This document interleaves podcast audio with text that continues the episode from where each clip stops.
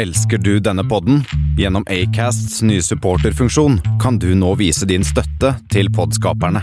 Det er helt opp til deg hvor mye du ønsker å bidra med. Klikk på lenken i podbeskrivelsen for å støtte podkasten.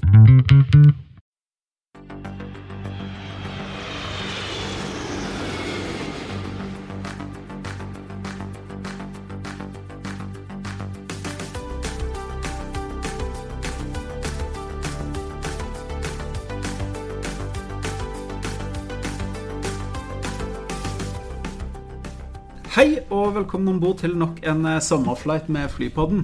Eh, Det har i dag blitt 31. juli, og vi har kommet til eh, flight 25, så vi har valgt å kalle det The Terminal. Litt spesielt i dag, for i dag er vi begge to i Drammen, Christian. Det er vi. Jeg sitter her ute og ser på Elvebyen. Regntungt sådan. Ja, Er det slutt på sommeren? Ja, det er kanskje begynnelsen på slutten. Ja, Det er bra. Det er bra, bra for bøndene, bra for jordbæra. Ja. Sånn da.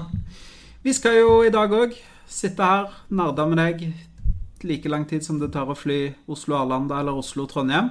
Så lenge flyet går, da. så lenge flyet går. Det må vi snakke litt om. Vi har jo fått oss en ny kjenningsmelodi, Christian, som du hadde æren av å mikse inn sist. Yes. Ble du fornøyd? Ja, vet Jeg syns det funka veldig bra. Eh, Det er en av, en av våre lyttere, eh, en friend of the pod, eh, Kevin Nyboen Skillebekk, som har laget den til oss. Helt eh, vederlagsfritt, tror jeg. Ja. Men en liten mention, Han driver og lager litt musikk, så hvis du er ute etter en jingle eller en eh, kjenningsmelodi, så er det bare å kontakte han på Han ligger på SoundCloud, gjør han ikke det? Jo, det er han. Ja. Takk, eh, Kevin. Jeg syns det funka kjempefint. Det syns jeg òg. I forrige episode måtte du jo bryte om halvveis ettersom du måtte nå et fly til Berlin. Hvordan gikk det, Thomas? Jo, det gikk veldig bra. Vi eh, fløy meg og kona hadde barnefri, så da var det bare å stikke av gårde, ta turen til Berlin. Det var to rolige dager og en skikkelig heisa dag, så den kjenner jeg vel effekten av faktisk litt ennå. Så eh, starter kvelden med en biff tartar som ikke er helt eh, ordentlig skrudd sammen, så, eh, så kan du gå på ringvirkninger uh, opptil en uke, halvannen etterpå. Ja, Uten at vi skal gå i detaljer her, Thomas, er vel det noe av grunnen til at vi ikke kom ut med en episode i forrige uke? Ja, da var jeg ikke i form i det hele tatt, så det var mm, Ja, Berlin leverer alltid. Fantastisk by. Eh, fantastisk uteliv. Eh, fantastisk eh, jo så flatt i Berlin, så vi aldri sykla så mye i mitt liv. Sykla byen på kryss og tvers. Syv kilometer, no sweat. Vi eh, brukte en app, og det er dagens anbefaling, faktisk. Så vi skal komme tilbake til. En sånn bikesharing-app fungerte helt ypperlig. Kan eh, bare plukke en sykkel og sette den fra deg hvor du vil. Ok. Så det fungerte veldig bra. Interesting. Så på veien ut var det SAS, Mainline. På veien hjem så var det våre venner i Cityline. Det var en stappfull Seriod 900. Men jeg hadde emergency exit, så nødutgangsetter, så da hjelper det litt på. Litt forsinka, men ellers helt greit. Ja. Ja, det gikk det bra. Jeg har ikke fløyet noe særlig. Nei. Eller faktisk ingenting har jeg fløyet. Jeg har vært på familiehytta nede på Lyngør og kost meg der. Og løpt og kajak, padlet kajakk og vært på båttur og bada og helt strålende. Altså, årets sommer helt eh, Ja, den eh, står til eh, 60 jetmotorer, altså, sommeren i år. Ja, enn så lenge. Nå, vi får jo se. Det går jo inn i siste sommermåned nå, så det skal, skal jo levere litt til. Ja, og det, det ble jo litt Det kom et annet fly og mye, en del helikopter over. En del redningshelikopter. Det kom brannhelikopter som fly- skulle fly sørover. eh, Et og annet sjøfly. Og til og med en dag så satt jeg og så hørte jeg en nydelig lyd av stempemotorer. Oi, For der var biveren. Den eneste biveren i Norge kom over. Herlig, herlig. Så jeg fikk det, rakk å dra fram Cannon med den nye 400 mm og fikk skutt den. Så den legger vi, det bildet legger vi ut på uh, Instagram. Men vår etterpå. Det må vi gjøre. Eh, nå er det jo en eh, stund siden vi har vært på, og det har jo skjedd veldig mye siden sist, Christian. Ehm, du har jo eh, Du starta jo med å, å gjøre et, opp et lite sånn Så litt på Farnborough enn så lenge, siste pod. Eh, men nå er jo Farnborough 2018 long gone. Og det har blitt gjort opp eh, kanskje ikke helt upartiske Seattle Times har gjort opp regnskap etter Farnborough. Og har kommet til at Boeing gikk seirende ut av, av Farnborough 2018 med 532 flybestillinger eh, mot 431 for Airbus.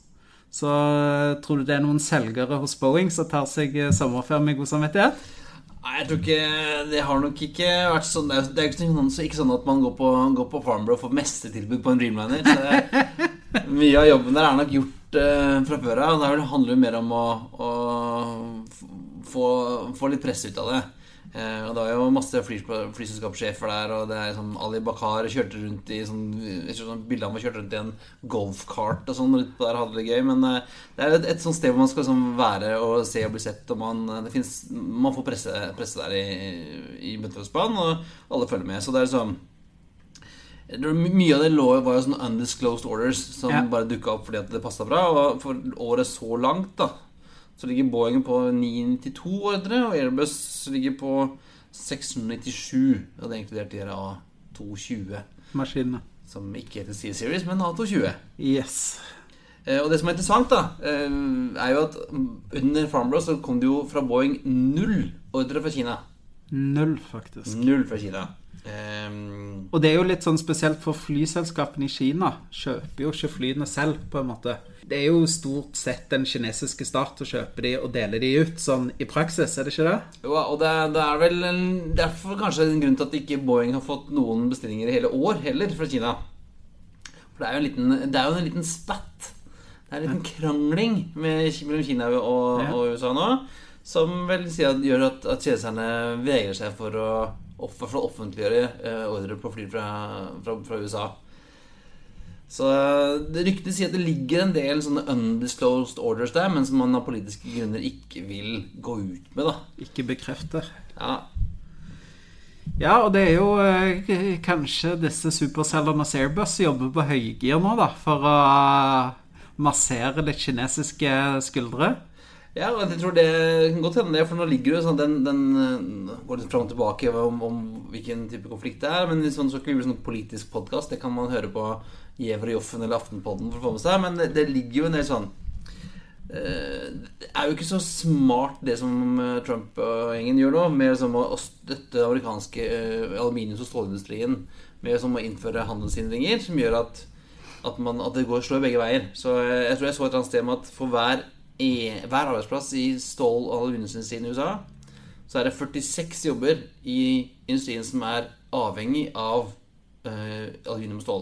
Ja, riktig. Uh, blant annet flyfabrikker. Da, ikke sant? Uh, De er jo storkunder på aluminium. Ja, så det, det spørs da som om, om det kan bli en, en, en, en som biter dem i ræva etterpå. Det blir spennende å se. ja, 2018 er jo eh, litt over halvveis, så vi får se om det kommer lagd inn noen ordre fra Kina eh, i løpet av eh, Q3 og Q4.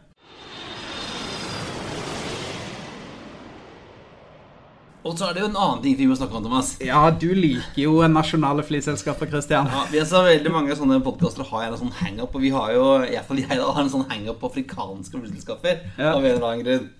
Og vi har snakket om, om Zimbabwe eh, tidligere. Der var det jo presidentvalg her, forresten. Ja, det gikk jo eh, Ja, det gikk ganske rolig for seg. Ja, vi har jo to vinnere, da. Ja, ja. jeg vant! Nei, det var jeg som vant. Ja. Only in Africa. Only in Africa. Og, og jo, i Zimbabwe er det jo greit å ha to presidenter, for de har jo to flyselskaper. Yes. Men i eh, verdens eh, Nei, sorry Afrikas største land eh, og rikeste land, Nigeria, har jo ingen flyselskap. Eller ingen nasjonale flyselskap. Nei. Eh, inntil nå. Fordi at det var en nyhet også som ble lansert på Farnborough. Nigeria yes. Air. Nigeria Air. De har jo tidligere hatt uh, Ja, altså uh, de, har jo en, en, luftfartsminister i Nigeria. Det er en jobb jeg kunne ha tenkt meg. I Nigeria? ja, hvorfor ikke? Men uh, luftfartsminister i Norge? Ja, ja. Hadi Sirika, du får, du får, eh, finne ham på LinkedIn. Han er luftfartsminister i Nigeria. Og han eh, var på Farnborough og eh, presenterte da Nigeria Air, som er det nye, skal bli det nye nasjonale flyselskapet i Nigeria. Men eh, staten skal ikke eie dette. Riktig. Eh, kun 5 av aksjene skal staten ha. Resten skal være opp til private aksjonærer som skal drive til. Men det skal liksom være Nigerias flag carrier og deres nasjonale flyselskap.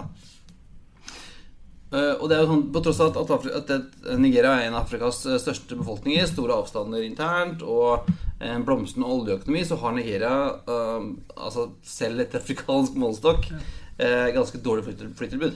Ja, eller, og det er jo ikke bare eh, i Nigeria. For hele ja, Vest-Afrika har jo slitt med flytilbudet. Man sier jo f.eks. at skal man fly fra Lagos i Nigeria til Abidjan ved Elfenbenskysten, så er det jo lettere å fly via Europa. Ja, via Brussel. Ja, ja. Ofte. Eller eh, via Paris. Ja. Der France har Ja. vel en del der. Så, så, så det, hele det der vestafrikanske luftfartsmarkedet er jo eh, litt sånn fucked up. Ja, det var jo, var jo for ikke mange år siden at, eh, at Lagos Airport ble jo kalt for verdens største open air flymuseum. For der var det jo, Hvis du skulle finne, finne en 727 og en 737-200 og noen gamle 707, så var det, sånn- det var der de fantes, da. Ja. Eh, og, og det har jo et ganske sånn litt sketchy eh, sikkerhets, eh, sikkerhetsrykte òg eh, i den delen av verden. Men de hadde jo Nigeria Airways, Ja. jo, eh, som var liksom nasjonalflyskapet fram til eh, 2003, når de forsvant i kok. Eh, og som i deres heyday så hadde de jo eh, en 30-40 fly og fløy i Nord-Amerika og Europa overalt. Men i 2003 så hadde de da eh, 4500 ansatte og én 7200. Én 7200 på 4500 ansatte. Ja, eh, og da sa det Det, det lukter ikke akkurat eh, money-making-maskin, det der. Nei, eh, de hadde liksom Etter hvert sånn da eh, Fra 80-tallet fremover som ble, ble, ble mindre og mindre og mindre, og det ene flyet etter det andre ble, ble, ble tatt ut av, eh, av drift og ble stående, så gikk det jo ikke så bra. De la ned ruter etter hvert, og så hadde de vel De fikk ikke lov til å fly noe sted heller. De ble nekta i EU, og det var ikke bra. Så det de gjorde da, var at de gikk til, eh, ringte til noen, noen ringte til Richard Branson og spurte Hei, dere Virgin, dere kan, lage, dere kan det med fly. Kan ikke dere komme og, og lage et flyselskap i Nigeria sammen med oss? Ja, og Richard Branson er jo sitert på det at det er den enkleste måten å bli millionær på. Det er jo å være milliardær og starte flyselskap. Ja, nemlig. nemlig. Men uansett så starta de da Virgin Nigeria i 2004, som da skulle overta etter uh, Nigeria Airways. Uh, og det holdt jo ikke så lenge, det heller. Så det, de hadde noen konflikter med nigerianske myndigheter som gjorde at Virgin trakk seg ut i 2009. Og da byttet selskapet navn til Nigerian Eagle Airlines. Og eh, hva er det logoen til Nigeria Air, tror du? En ørn? En ørn, selvfølgelig. Yes. Og da byttet de navn, men så bytta de navn igjen til Air Nigeria, og så ble det lagt ned i 2012. Ja, riktig. For da hadde ikke de noe fly, ikke noe penger og Så det, til denne så har de, ikke hatt, har de, har de ikke hatt noe nasjonalt flyselskap. De har hatt en del sånne De har en Arik Air, som er kanskje det største private selskapet. Og så har det vært en del masse annet eh, eh, tjafs. Eh, jeg kikka litt på Google Earth i ferien, og da fant jeg i flyplassen i Kabo i Nigeria Der står det fire-fem 747-er sånn parkert. For at Kabo Air, de gikk kokt, de òg. Ja, riktig. Så er altså planen nå med Nigeria Air da, at de skal starte opp nå i desember med 15 eh, leasede fly. Eh, Øker til 31 fly og 81 destinasjoner. Utenriks, regionalt, internasjonalt. I løpet av tre-fire år. Og så får vi håpe at det går bedre enn før, da. Tror du, tror du virkelig det? Altså, jeg har sett litt sånn Jeg har kjent litt på hva, hva, hva folk i Nigeria sier, Ja. faktisk. Eh, og de sier at Flypoddens eh, tar sånn fem på gata. Fem på gaten i i Lagos. Nei, jeg har sjekka litt, og, de, og jeg, har faktisk, jeg har faktisk sett på nigeriansk frokost-TV Ja, riktig. på YouTube. Eh, det er interessant. Og de som sier at vi ikke gjør research? Med. Nei, altså, vi gjør research, skal jeg love deg. Men de sier da folk, folk på gata i Lagos sier at ja, vi tror på dette, så lenge myndighetene holder seg langt unna. Ja. For det har vel eh, Det er vel en sånn sammenheng, en ganske sterk korrelasjon mellom eh, myndighetsinngripen og korrupsjon. Så jeg vil tippe dess mer myndighetene har sine pølsefingre borti det, dess større er sjansen for at det er noen statsfunksjonærer og noe som finner ut at de skal melke kua til egen vinning. Det var vel det som var, ble sagt om hvorfor Nigeria Airways forsvant. Det var jo at eh, noen eh, hadde pølsefingrene sine langt nedi eh, kassa der. Ja, riktig. Men ikke ah, bare de 4500 ansatte. På den ene Syvpressiv 200. Ja, så vi får håpe at dette er faktisk et, et faktisk reelt eh, initiativ eh, som myndighetene støtter opp om og holder seg unna, eh, og at det ikke er det som noen også sier, da, at det er kun et politisk spill foran det nigerianske presidentvalget. Det følger vi med på. Eller gjør vi det? Det nigerianske presidentvalget? Nei, det gjør vi ikke. Nei. Eh, en eh, evig president, nesten. Hvis vi eh, drar litt østover. Vår venn i Qatar Airways, Al-Bakar, og gjengen de øker til tre daglige på København, Christian. Ja, altså de går nå eh, de har, I dag har de to daglige Ja. med 7-8-7-8. Men fra 3. september så legger de den tredje daglige på mandag, onsdag, fredag og søndag. Så nå har de flighter 8.25, 17.40 og 22.35. Og det er den 1740-avgangen da som blir ny. Det blir ny på de fire dagene, og det vil si at de da også kommer inn med 777-300 på disse rutene. Hm. På den, altså den ekstra ruta, og så kommer de da også på de to andre med 777 fra oktober. Det er jo litt av en kapasitetsøkning, egentlig. Totalt kjører de da 6444 seter eh, hver uke, hver vei. Ja, og når man da vet at i tillegg så er Emirates der eh, på København med en sånn eh, A380 i, eh, i eh, stinn brakkekonfigurasjon med en 550 eller noe sånn seter, er det ikke det? Å, så det Så det, det, der har du si 500 seter ganger 7. Eh, da er det i hvert fall 3500 seter. Så man nærmer seg jo 10 000 seter eh, i uka. hver vei. Ja. Så 20 000 seter frem og tilbake ja. mellom København og Gruffen. Det er, eh, det er mange folk som tar den. Men altså, er det så mange? Hvordan er det å drive revenue management her, tror du? Altså, jeg, jeg, jeg leste jo for ganske det er noen år siden. Da leste jeg et, et intervju med han eh, Abu al-Bakar som sier at våre eiere har ikke noe krav på at vi skal tjene penger. Nei. Eh, jeg vet ikke hvordan det er nå. Eh, kanskje de har, har det nå, men altså Jeg vet ikke åssen det kan gå, altså. Nei. Altså, det er utrolig mye Også i tillegg til det, så altså, det, det er jo alt går i støv. I tillegg til det så har du jo eh, Thai fra København. Qatar Pacific har jo kommet inn. Du har jo India. India, du har jo kinesere. Ja. Du har SAS Ja. til eh, både Tokyo, og Shanghai, Beijing. og Beijing og Hongkong. Ja. Så altså, det er enormt mye folk som skal reise østover. Og, og, og litt noe, noe sør også, kanskje, da, med, til Afrika og sånn. Men eh, jeg kan ikke skjønne at det er nå, Tidligere så øker de også nå med en eh, A350 til 900 på Oslo. Ja. Eh, De er jo oppe på to ganger da, De har jo double daily i det største peaken på Oslo òg. Qatar. Så de, de har jo en vanvittig kapasitet de skal følge. Ja, og så har vi Turkish, som Ja. har oppsagt til 330 hver dag. Ja. Altså jeg, du, du er jo en sånn Asia-fyr. Jeg reiser jo mest eh, til USA hvis jeg kan. Men eh, er, det sånn, er det helt bunnløst? Altså, Fins det ikke noe stopp der? Altså, nå må jo jeg bare Jeg har flydd Qatar eh, et par ganger til, eh, til eh, Thailand. Og begge gangene så har det vært stinn fulle A380-er ut fra Doha. Så det har ikke vært et sete ledig på de A380-ene når jeg har tatt meg en runde. Og sett, så Det virker ikke som det er noe bunn i markedet, men det er jo litt sånn som vi har snakket om før, til hvilken pris. Og det er klart, da når du ikke har noen aksjonærer som står og forventer utbytte eller avkastning på, på aksjene, så, så er det jo bare et mål og mening du har. Det er jo å bli så stor som mulig, ta så mye marked som mulig. Så da er jo kanskje dette en eh, jeg, jeg skjønner at SAS og andre flyselskaper klør seg litt i hodet og er litt frustrert over denne kapasiteten. Men eh, det er konkurranse, det. Ja, det er helt, ja, men, ja, men på hvilke, på hvilke, på hvilke mm, vilkår, da? Ja. Sant? Eh, amerikanske selskaper har jo gått veldig hardt ut eh, i tidligere, år, tidligere, tidligere år om liksom, hva finnes av statsstøtte, og har jo krevd at gullselskapene skal legge, legge fram eh, regnskapstall. Ja. Eh, og det har jo Etihad gjort, og det viser at det går jo ikke bra der. Nei, det, det har jo vi diskutert tidligere i poden, at de, de, går jo dundrende underskudd med et par milliarder uh, Var det dollar eller noe sånt? Uh, så, så, men de sier jo det at f.eks. Emirates i hvert fall tjener penger. Uh, er, det, er, det, i hvert fall word on the street at de, de tjener penger.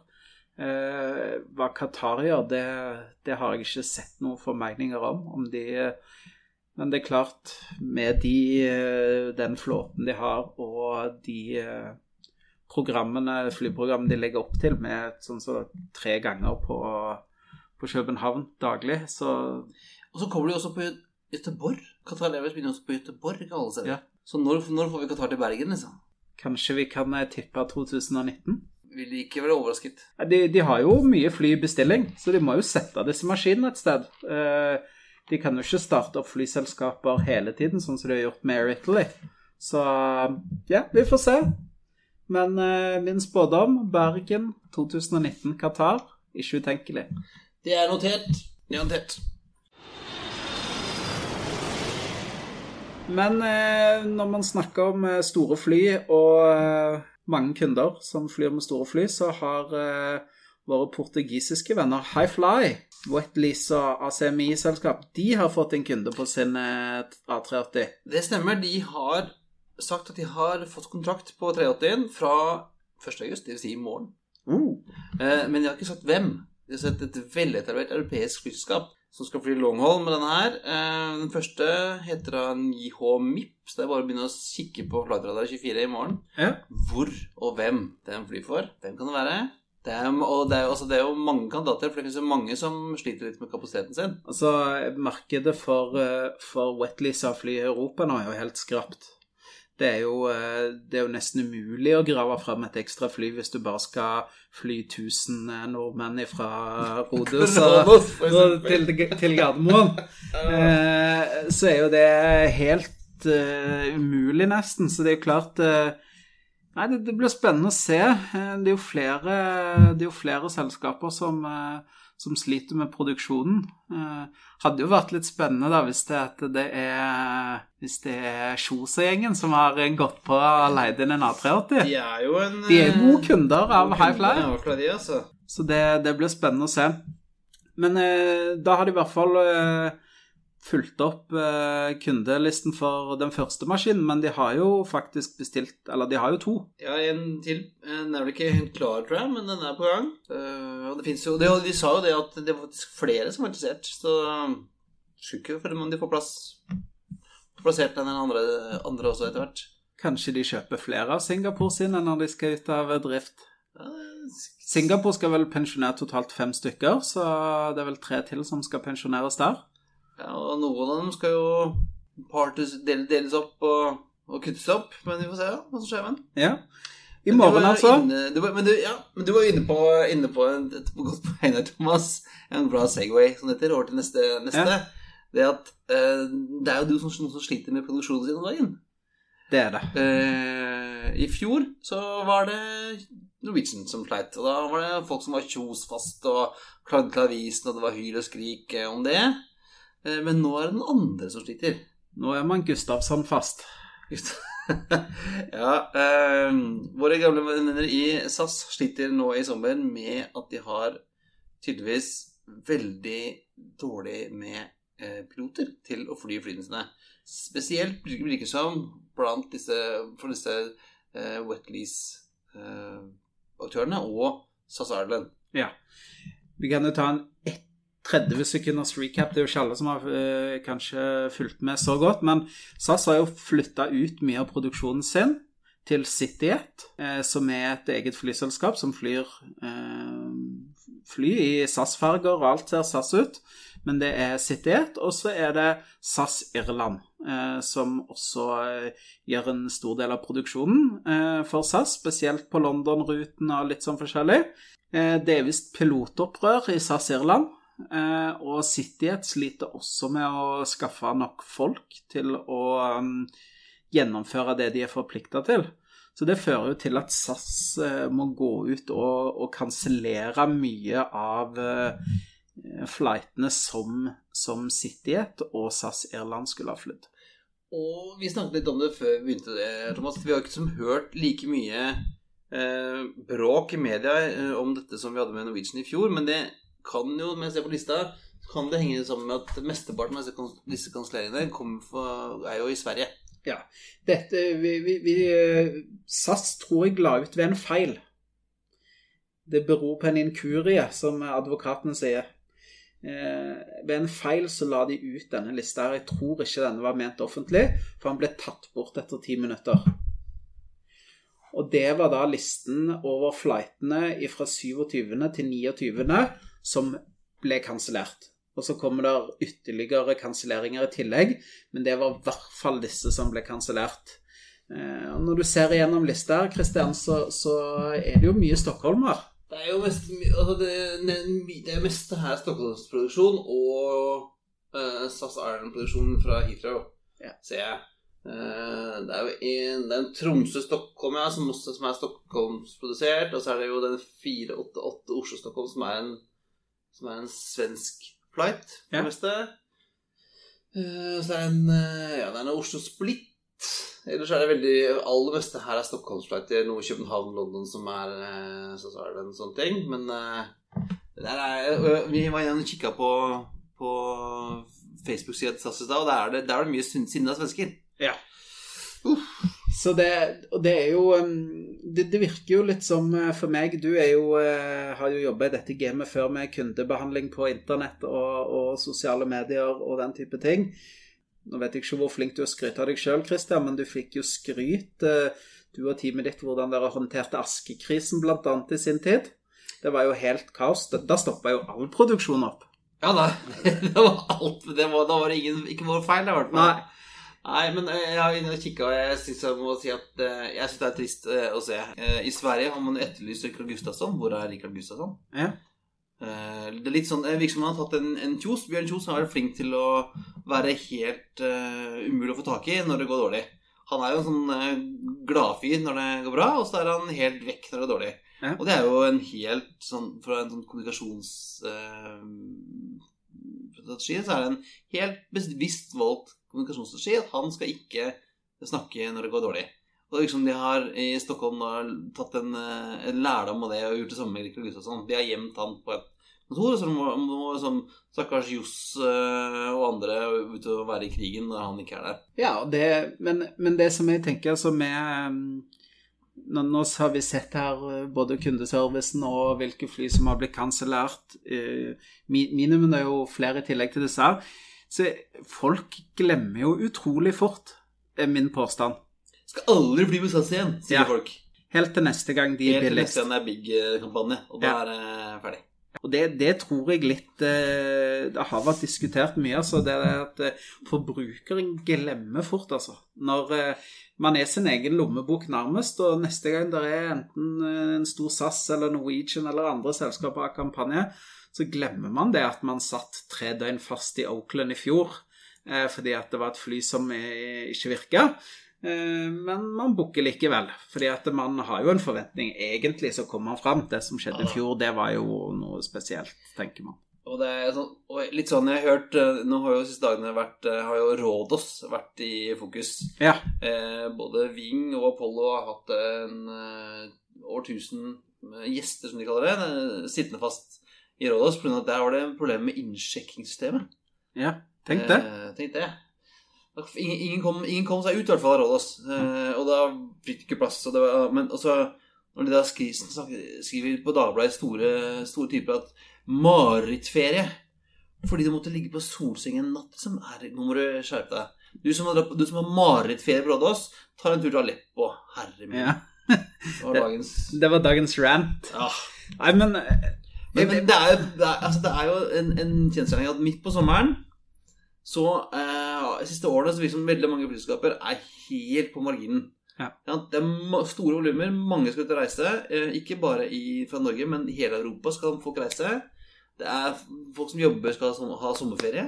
Ja. Eh, og det er jo eh, Alt som, som flyr av kapasitet, er jo brukt opp.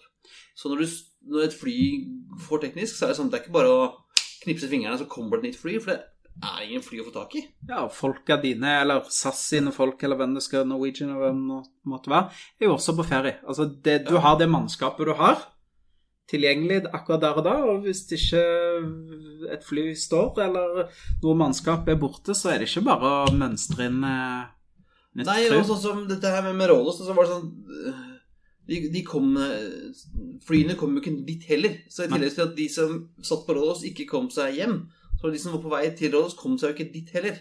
For flyplassen slapp jo ikke inn flere folk.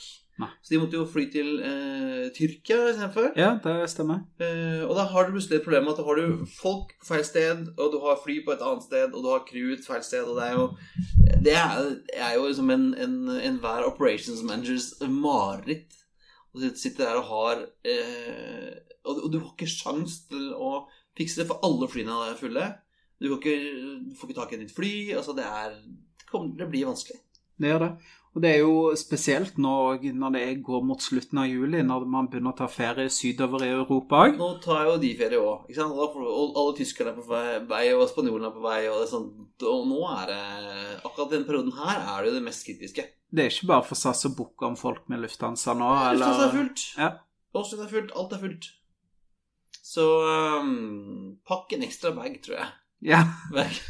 Ta, altså- ta med den største tuben med tålmodighet og smør deg inn. Det, og det, det, er, det går jo vanligvis greit. Folk blir jo ikke sittende fast i ukevis. Sånn. De kommer seg hjem. Forhåpentligvis. Ja, alle kommer seg hjem, Thomas. Det, Og det fins verre steder å sitte fast. Eh, Jeg husker mine foreldre de eh, fløy en gang på mine sånne, så, billige SAS-billetter. Eh, og da er det sånn, da reiser du på standby, så da, du ikke, da får du ikke Er det fullt, så er det fullt, kommer du ikke videre. Så ringte de meg og sa du, vi, nå kommer vi ikke videre, nå sitter vi helt fast her. Ja, hvor er dere? Honolulu. Så jeg bare Cry me a river. ja. Men vi må videre sendingen, Yes. Thomas. Vi skal til eh, fra store fly til små fly. Fordi jeg leste i Flight International i helgen at ATR de driver nå og kikker på en eh, kortbaneversjon av ATR 42. Tror du det er Widerøe som eh, er store gulroten her? De har jo en eh, 30 maskiner som kanskje skal byttes ut. Det har vi snakket om før, om at de eh, videre har et problem, en utfordring, eh, Ja. med at de har fly som selv om de har som forlenget levetiden på, så går de ut på dato snart. Og det finnes ingen fly som kan erstatte det erstatte 100. 200. Det er vanskelig å smelle 40 mennesker inn i et fly som kan ta av på 800 meter rullebane. Eh, ATR 42 lander vel, bruker vel nå ca. 1200 meter på å komme seg opp. Ja. Mens de ser nå på noe som de kaller for ATR 42 600S for, ST, for stol, short Ja. takeoff and landing, som skal kunne både ta og lande på 800 meter. Riktig. sier de. Eh, og da kreves det eh, bl.a. Større, større eller kraftigere motorer. De samme som ATR 72 har. Eh, har- jeg har lest nok til at 42 og 72 har samme motorer, mens 42 er derated.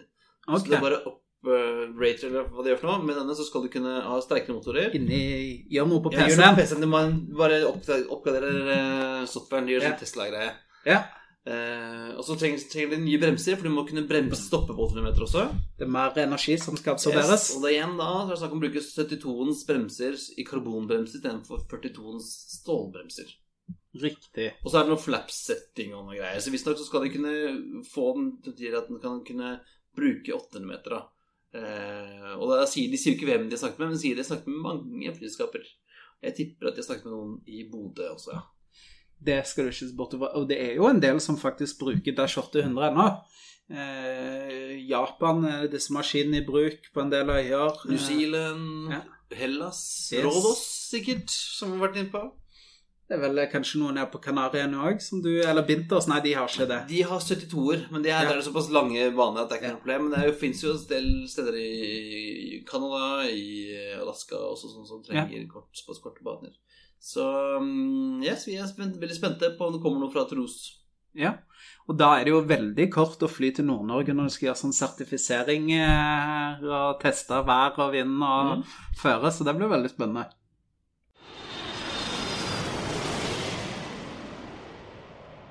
Da tenker jeg at vi eh, Nå har vi snakka mye her, Kristian, men, Jo, eh, men vi har jo så mye Vi har jo egentlig Dette blir en dobbel episode. Ja, nesten. Kanskje halvannen episode, i hvert fall. Eh, ukens tema i dag Jeg hadde egentlig lyst til Ikke at jeg har så mye greie på arkitektur, annet enn at jeg vet når noe for meg ser fint ut, eller noe, noe ser helt jævlig ut. Så jeg tenkte at vi måtte snakke litt om flyplassterminaler, for der er det jo mye ymse. Fra nitriste terminaler i, på østkysten i USA til Eller eh, greske øyer. eller de greske øyer, til eh, nesten et skur på Koh Samui. Der eh, alt foregår i frisk luft, og det er bare Der det er bare eh, sikkerhetskontrollen som er under tak, holdt jeg på å si, og er, og er airconditionert. Ble, ble, ble du litt inspirert når du var i Berlin, eller? Ja, det må jeg si. Eh, jeg håper jo aldri Eller jeg håper at Tegel aldri blir nedlagt. Det er en fantastisk flyplass. Nei, det kan se sånn ut som i hvert fall at erstatteren aldri åpner. Nei, ja, det er sant. Så, så, så det, nei, altså, Tegel er jo en spesiell flyplass. Den er jo uh, altfor liten. Eh, de har til og med bygd om et parkeringshus til terminalbygning. Eh, og alt sånt, men den originale terminalen som ble bygd der på 60-tallet, eh, den må vi legge ut et bilde av, men den eh, har en sånn heksagonal ring. Der eh, bilene sånn kjører i midten, en sånn tunnel for å komme opp. Eh, Det ser veldig stilig ut, det må jeg si. Ja, det gjør det. Eh, og så står flyene da eh, med sånn gater da inntil denne ringen. Og det som er litt morsomt, er at fra du går ut av selve broa til du er ute på gata, så er det jo ikke mer enn 30-35 meter. Men er det Men i tenkt luftlinje, eller er det faktisk sånn I fremdeles? faktisk Så det funker, gangavstand. funker faktisk såpass sånn fremdeles? Ja, det gjør det. For da jeg så disse bildene, så tenker jeg ja ja, det funka sikkert bra når det ble lagd, men nå skal du ha security, og du skal gjennom og Ja, og der er litt av utfordringen med f.eks. sånn som Tegel, at når den ble bygd, så var det jo ikke noe som heter sikkerhetssjekk. Så det er jo utrolig ineffektivt at hver eneste gate må ha sin egen sikkerhetskontroll. Fremdeles? Ja. De har ikke gjort om på det? Nei. Så skal du til gate 4, så er det sikkerhetskontroll på gate 4. Det er jo noe av det samme de hadde i Østerrike på den gamle terminalen i Wien. Eh, Så var det også sånn at alle gatene hadde sine egne sikkerhetskontroller. Så det er jo eh, Det er veldig sånn eh, gammelmodig. Det er jo litt morsomt at det er jo de samme som bygde eller designa Tegel på 60-tallet. Eh, GMP-arkitekter eh, heter de. Som har lagd nye Berlin Brandenburg. og, du har, du har vært på Tegel, Christian? Uh, Nei, faktisk ikke. Nei. Men det er ikke veldig god plass til butikker der. Og hva er det flyplasser tjener penger på? Butikker. Yes. Og det er jo for de som har hørt denne podkasten How to fuck up an airport, så er det jo også det som han sier, arkitekten, han, han hater jo retail space. Ja. Så han lagde jo også nye, nye Brandenburg uten retail space. ja det var Eh, de- nesten ingenting. Og de ble godkjent, og de begynte å bygge, helt til noen oppdaget at hei, hei, hei, hei. Hvor skal vi tjene pengene våre? våre? Ja. Nei, det hadde han ikke lagd, da. Så det ble jo, eh, fra å være åpent og lyst og sånn, så ble det trangt som nøkken der òg. Ja. Så det er jo eh, Tanken er jo god, da. Eh, Det er jo mange som kritiserer Gardermoen for at det, er Norges største kjøpesenter. Eh, Men det er nå engang sånn eh, flyplassene tjener sine penger. der Det er for øvrig en veldig Jeg, håpet du husket når du kom tilbake fra Berlin, jeg håper du husket å kjøpe litt taxfree-varer for å opprettholde luftfarten i Norge. Det gjorde jeg. Ja, Det Husk det, folkens. Yes. Taxfree-salget på Gardermoen bidrar til en, ca. en fjerdedel av Avinors inntekter, så hvis du vil fortsatt ha flyplass på Sto- Stokmarknes, kjøp Baileys når du lander. Ja, nå er Stokmarknes en av de få kortbaneflyplassene som tjener penger, Berlevåg- eh, sier jeg. Berlevåg, ja. Eller Mehamn. Mm. Yes, nei, men, men eh, så, så Berlin er jo eh, spesiell når det kommer til flyplasser, både med tanke på Du har Tegel som en spesiell flyplass. Du har Berlin Brandenburger, som er meget spesiell, for den har jo aldri åpna. Den skulle vært åpna for en ja, seks-syv år siden. Og så har du jo Tempelhof. Ja, var du innom Tempelhof? Det rakk jeg ikke, dessverre. Men eh, det er jo stilig. Altså, har du sett det flyplassbygget, Christian? Ja, det er jo fantastisk flott. Det, det er jo helt nydelig. Det ble jo, eh, det ble jo designa av eh, sjefsbyggeren sjøl i eh, nazistene, Albert Speer. Gode, Yes. gode gamle nazi-arkitekten. yes. Så, så det er jo, det er jo eh, i, aller høyeste grad eh, tenkt på det. Eh, altså, det er jo et massivt halvmå... Halv, det er jo en halvsirkel av en bygg der alle flyene kunne stå under Ja, tak. for det kunne gå innunder, ja. Yes. Så det er jo en vanvittig eh, flott bygning. Og det som er kult nå, da, er at eh, den flyplassen ble jo lagt ned, var vel i 2008 eller noe sånt. Tiden går fort. Eh, Så ligger rullebanene der fremdeles, terminalbygning og alt, og nå er det en park. Så nå kan du eh, rusle nedover rullebanene på Tempelhof. ja. Det er jo nesten sånn at vi burde tatt med våre bedre halvdeler på en piknik der og sitte midt på rullebanen og spise Så de kan egentlig i prinsippet eh, ta bort de der kryssene de har malt på rullebanen og åpne, for den blir Brandenburg åpner aldri igjen. Nei, det er sant. Så det, det går jo an. Men det er jo eh, Det finnes andre også flyplasser som jeg syns ser fine ut, eh, Christian. Um, USA er jo ikke, kanskje ikke kjent for, eh, for eh, at de har så flotte design på flyplassene sine. Det er jo to unntak. To hederlige unntak, vil jeg si. Ja, fyr løs. Eh, Denver. Ja. Nye Denver International. Eh, disse teltene har vel mange sett. Ja. Det er jo helt uh, magisk, egentlig. Det fantastisk å se på det. Kan egentlig ser på noe, det kan nesten se ut som damer i, i sånn hijab, liksom. Men, men uh, det er veldig fint. Uh, Og så har du jo gode, gamle um, TWA-terminalen på JFK. Ja, og der var det jo en finne som var, var involvert i den TWA-terminalen. Den ble jo bygd på 60-tallet, og den ble jo da designa av eh, vår finske mesterarkitekt eh, Eros Harinen. Yes. Og det, det, den, eh, Vi må jo legge ut disse bildene her, da, men eh, den, skulle, den ble jo designa for å se som, ut som en måke Ja. i, eh, mens han var i lufta. Altså, taket på terminalen strekker seg ut som måkevingene. Det er jo, det er jo nydelig å se på. Ja, veldig fint. veldig fint Og det, jo, det var jo en, en stund en fare for at hele greia skulle rives. Å, var det det? Eh, men så gikk jo JetBlue inn og overtok. Ja, riktig. Eh, og det er jo en terminal som, som kler et selskap som JetBlue, må jeg si. Ja, det gjør det. De har jo pussa den opp, og det ser helt nydelig ut eh, nå. Eh, og den brukes fremdeles. Det er jo eh, flotte linjer, altså. Har du, du har ikke vært der, du heller? Nei, det har jeg ikke. Så, så eh, der er dratt utenfor der. Hvis man flyr fra JFK, det hadde vært uh, snacks å sette. Eller så kan man jo laste ned eh, Catch Me If You Can-filmen med Leonardo DiCaprio. Så ser du at han fyker rundt inni der Ja, det gjør han. i sin uh, Pan Am-uniform. Yes. Panam. Mm. Yes. Men eh, en annen eh, flyplass som du nettopp har vært på, Christian, som også har eh, høsta litt sånn eh, anerkjennelse for designen sin, det er jo eh, Terminal 4 i Madrid. Yes. Jeg var, innom, var innom der en uh, halvannen times tid på vei hjem fra Lanzarote tidligere i sommer, og det er jo Tenkte på det, det er luftig og stort og fint. Det er liksom, liksom, liksom myke linjer og sånn. Eh, mine, ungene syns det minner, litt om eh, både Brussel og, og El Prat. Ja, i Barcelona. Eh, Barcelona. Eh, Noe av det samme litt sånn åp stort og åpent og lyst og luftig og veldig fint. Altså. Jeg syns eh, overraskende eh, fint. Sist jeg var på Madrid, så var jeg på en annen, helt annen eh, terminal. Den var ikke like lystig. Nei, riktig. Så det er jo eh, spanjolene, når de bygde sitt, eh, de oppgraderte terminalen sin, så ble det bra. Og, går du litt lenger sør, så ser man, ser man kåringer eller hva som helst. Det er en flyplass som også alltid går igjen.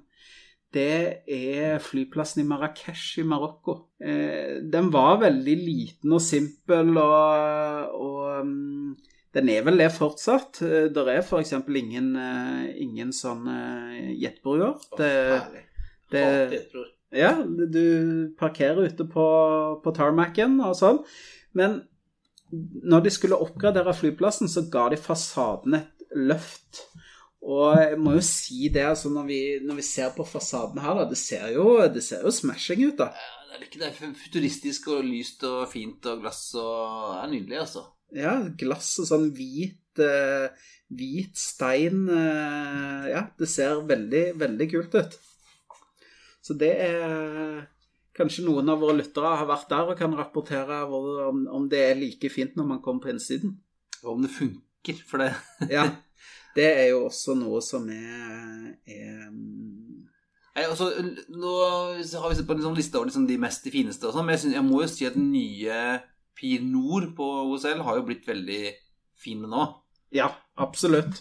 Eh, jeg må, jeg må nesten si at ja, den er fin, men det er nesten litt sånn kjedelig, tenker jeg. Fordi at det er jo, det er jo bare mer av det som funker.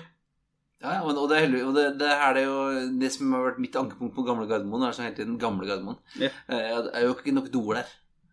Men det er det på, pir, eh, på ny Pin, så er det bra med do. Det er fint, og det er luftig og fint. Det er liksom, Ja. Den, den eh, er vel sånn som gamle Gardermoen var når den åpnet, før alle butikkene kom. Ja, Ja, for det var luftig og fint, og det var bredt og god plass, og det var liksom eh, walking, walkways og sånn. Eh, alt det forsvant jo etter hvert som du skulle putte inn flere Frankie Dog og Burcrust og- og pizzaen og alt mulig. Altså Den lukter jo pølse, flyplassen, når det kommer. ja, det gjør den.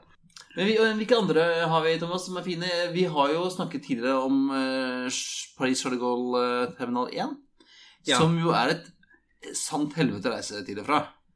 Altså, jeg er litt uenig med deg der. Jeg syns ikke det er så verst. Men eh, det er jo en utrolig kul flyplass, da. Det ser jo veldig kul ut. Både hvor sånn, de har en, en rund terminalbygning som ligger i midten med Som er, som er sånn. 10-11 etasjer, og så har du disse satellittene Ja, ut. og så de rulletrappene som går opp og ned inni sånn. Det ser veldig kult ut. Og sønnen min som var der sammen med besteforeldrene sine nå i, i våres, han syntes den var veldig kul. Eh, men eh, jeg må si at det, altså, å det å komme seg ut, ut derfra på et tog og sånn, det er jo det er ikke gøy. Nei, det Og transfer det er jo ikke morsomt. Nei, det er Men litt eh, den er jo lekker. Det er den jo.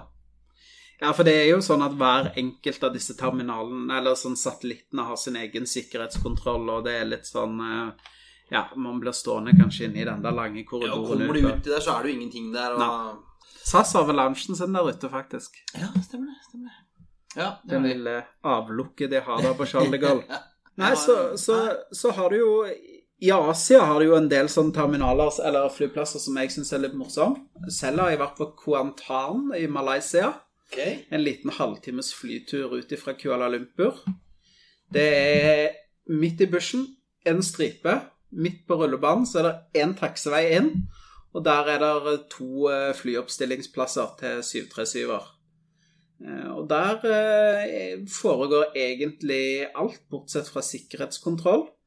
Eh, Og etter sikkerhetskontrollen så er det faktisk plass til 160-70 passasjerer inne i et sånn airconditionert rom. Men ellers er alt bare under bølgeblikk og Ja, du, du ser disse Altså, idet du går av flyet, så begynner jo gutta å lempe bagasjen.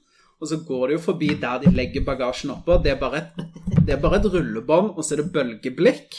Og så er det, går rullebåndet liksom bak bølgeblikket, og der skal folk hente bagasjen sin. Det er jo litt sjarm, det òg, da. Det er liksom, eh, jeg, en av de sånn morsommere flyplassene jeg har vært på, er jo eh, North Bimini, Bahamas. Oh. Eh, vi fløy ned fra Miami med Sharks Ocean Airways, en sånn eh, flybåt, en sånn Mallard, som landa ute i lagunen. Ja. Så flyplassen jo, var jo da eh, en sånn bet- betongoppstigningsplass med en rampe ute i vannet og så et lite hus, en liten hytte. Så når flyet kom, så var det bare å gi full gass, opp rampa, og så parkerte den utenfor eh, den der hytta. da. Eh, og vi skulle være hjemme igjen etter å ha vært der en ukes tid på, på Bimini, så det var ikke sånn, de ropte jo ikke opp og sånn. Nei. Eh, men vi så alle de andre begynte å gå, så tenkte jeg oi, shit, nå må vi også gå. Ja. Og så var det bare å tappe ut på flyplassen, og så veide vi bagasjen en gang til. eh, Og sjekke at vi ikke hadde med, fått med oss for mye. Og så var det å gå og sette seg. Og så vralta flyet ut, plopp ned i vannet, kjørte av gårde. Eh, også kan, den kan også, denne lille tennene kan man også se i en film, faktisk. Sluttscenen i eh, 'Nattsvermeren'. Åh. Hvor eh, Hannibal Lecter har stukket av og er etter han, han eh, sjefen på sykehuset. Stemmer det. Stemmer. Hvor han sier 'I'm having an old friend for dinner'. Ja. Og for de som ikke husker den, så er han også en kannibal. yes. Eh, altså, det, det som slår meg når man ser på disse listene over fine eller eh, flotte flyplasser, så er det jo veldig få europeiske, egentlig. Det er mye uh, asiatiske flyplasser som ligger der. Ja, Europeiske flyplasser har jo sånn vært eh, De har jo sånn vært store så lenge, så de har jo sånn de er sånn- er sånn klatte, klatte, klatte Ja. på. Det er, det er jo sjelden at man lager en helt ny flyplass. Det er sånn Gardermoen er den siste Ja. nye flyplassen kanskje i Europa. Eller hvis vi ikke regner med Brandenburg, da. Men regner vi ikke med. Ja, eller eh, det nye Istanbul når da blir det spennende å se. Ja, ikke minst. Eh, men man har jo gjort noen sånne opp, terminaloppgraderinger, som bl.a. den nye Terminal 2 på Heathrow. The Queens Terminal. The Queens Terminal, som jeg syns er veldig fin. Ja, den får jo mye skryt av.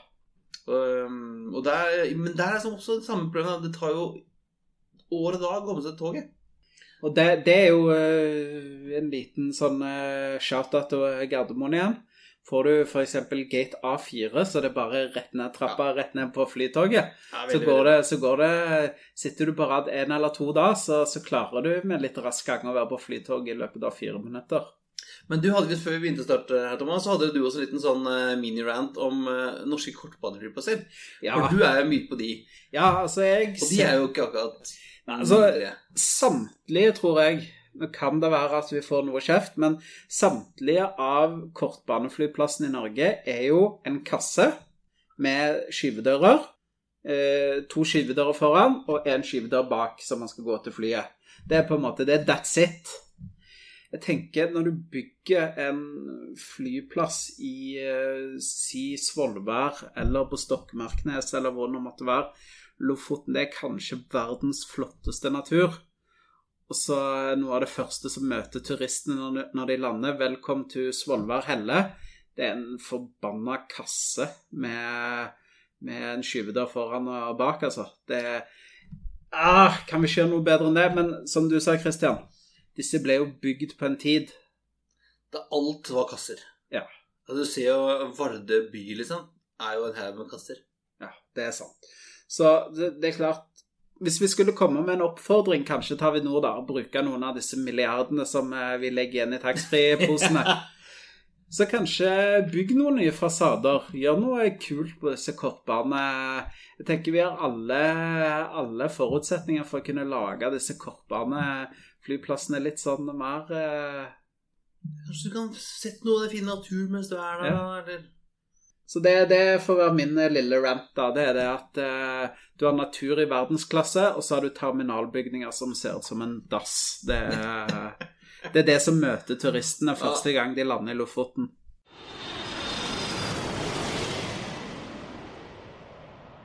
Men jeg eh, tenkte til slutt så ville jeg gjerne Vi nevnte det innledningsvis at jeg ville anbefale en app denne gangen. Eh, Og nå er vi jo fortsatt ennå litt sånn i sommerferiemodus, og det er kanskje noen som skal til Berlin. eh, Eller disse er òg veldig store i USA. Det er en eh, sånn sykkeldelingsapp som heter Lime. Som i frykten lime. Og det, det er genialt, fordi at du finner en Lime-sykkel på gata. Så har du lagt inn alle detaljene dine i appen med, med kredittkort og, og hvem du er osv. Og så bare skanner du QR-koden på sykkelen, og så åpner sykkellåsen seg. Og så kan du sykle, og så kan du parkere sykkelen hvor du vil. Ok, Bare sånn utafor Så lenge du ikke parkerer midt i veien, så, Ah, så parkerer du den hvor du vil, eh, og låser den. Og da er du ferdig. Og da kan hvem som helst andre ta sykkelen. Genialt konsept. Eh, aldri sykla så mye som jeg gjorde når jeg var på tur. Eh, kona òg syntes det var dødskult. Eh, og i Berlin så har de masse elsykler, så det gikk jo syv kilometer. Det gikk unna. Det var det vi hadde for denne gangen, Thomas. Ja, det var det. Takk for at du delte denne flighten med oss, selv om den ble litt lang. eh, Denne gangen. Sånn, vi tok en ekstra runde rundt eh, Arlandet før vi landa. Ja. Men det, vi, må, vi hadde så mye å snakke om etter etter hvert borte så lenge. Jeg håper at du har hatt en fin flight med oss. Uh, gi oss gjerne en anmeldelse i iTunes. Lenge siden jeg har fått, fått noen her. ja, det er det. Eh, og du kan jo også selvfølgelig abonnere på oss i iTunes, på Spotify og de fleste andre podkastspillere. Finner dere linker til det vi har snakket om i dag, eh, og bilder av alle disse terminalene, Thomas, Ja. på flypodden.no. Finner oss også på facebook.com slash flypodden, på Instagram at flypodden og på Twitter at flypodden. Og vi hører selvfølgelig gjerne fra deg på mail. Send oss gjerne en mail om du har et spørsmål, om du har en kommentar, eh, grov kjeft tar imot sponsoravtale, eller hvis du har 15 millioner dollar fra en nigeriansk prins, send oss mail på hallo.flypodden.no. Takk for denne gang, og velkommen om bord neste uke. We truly appreciate your business and look forward to serving you on a future flight.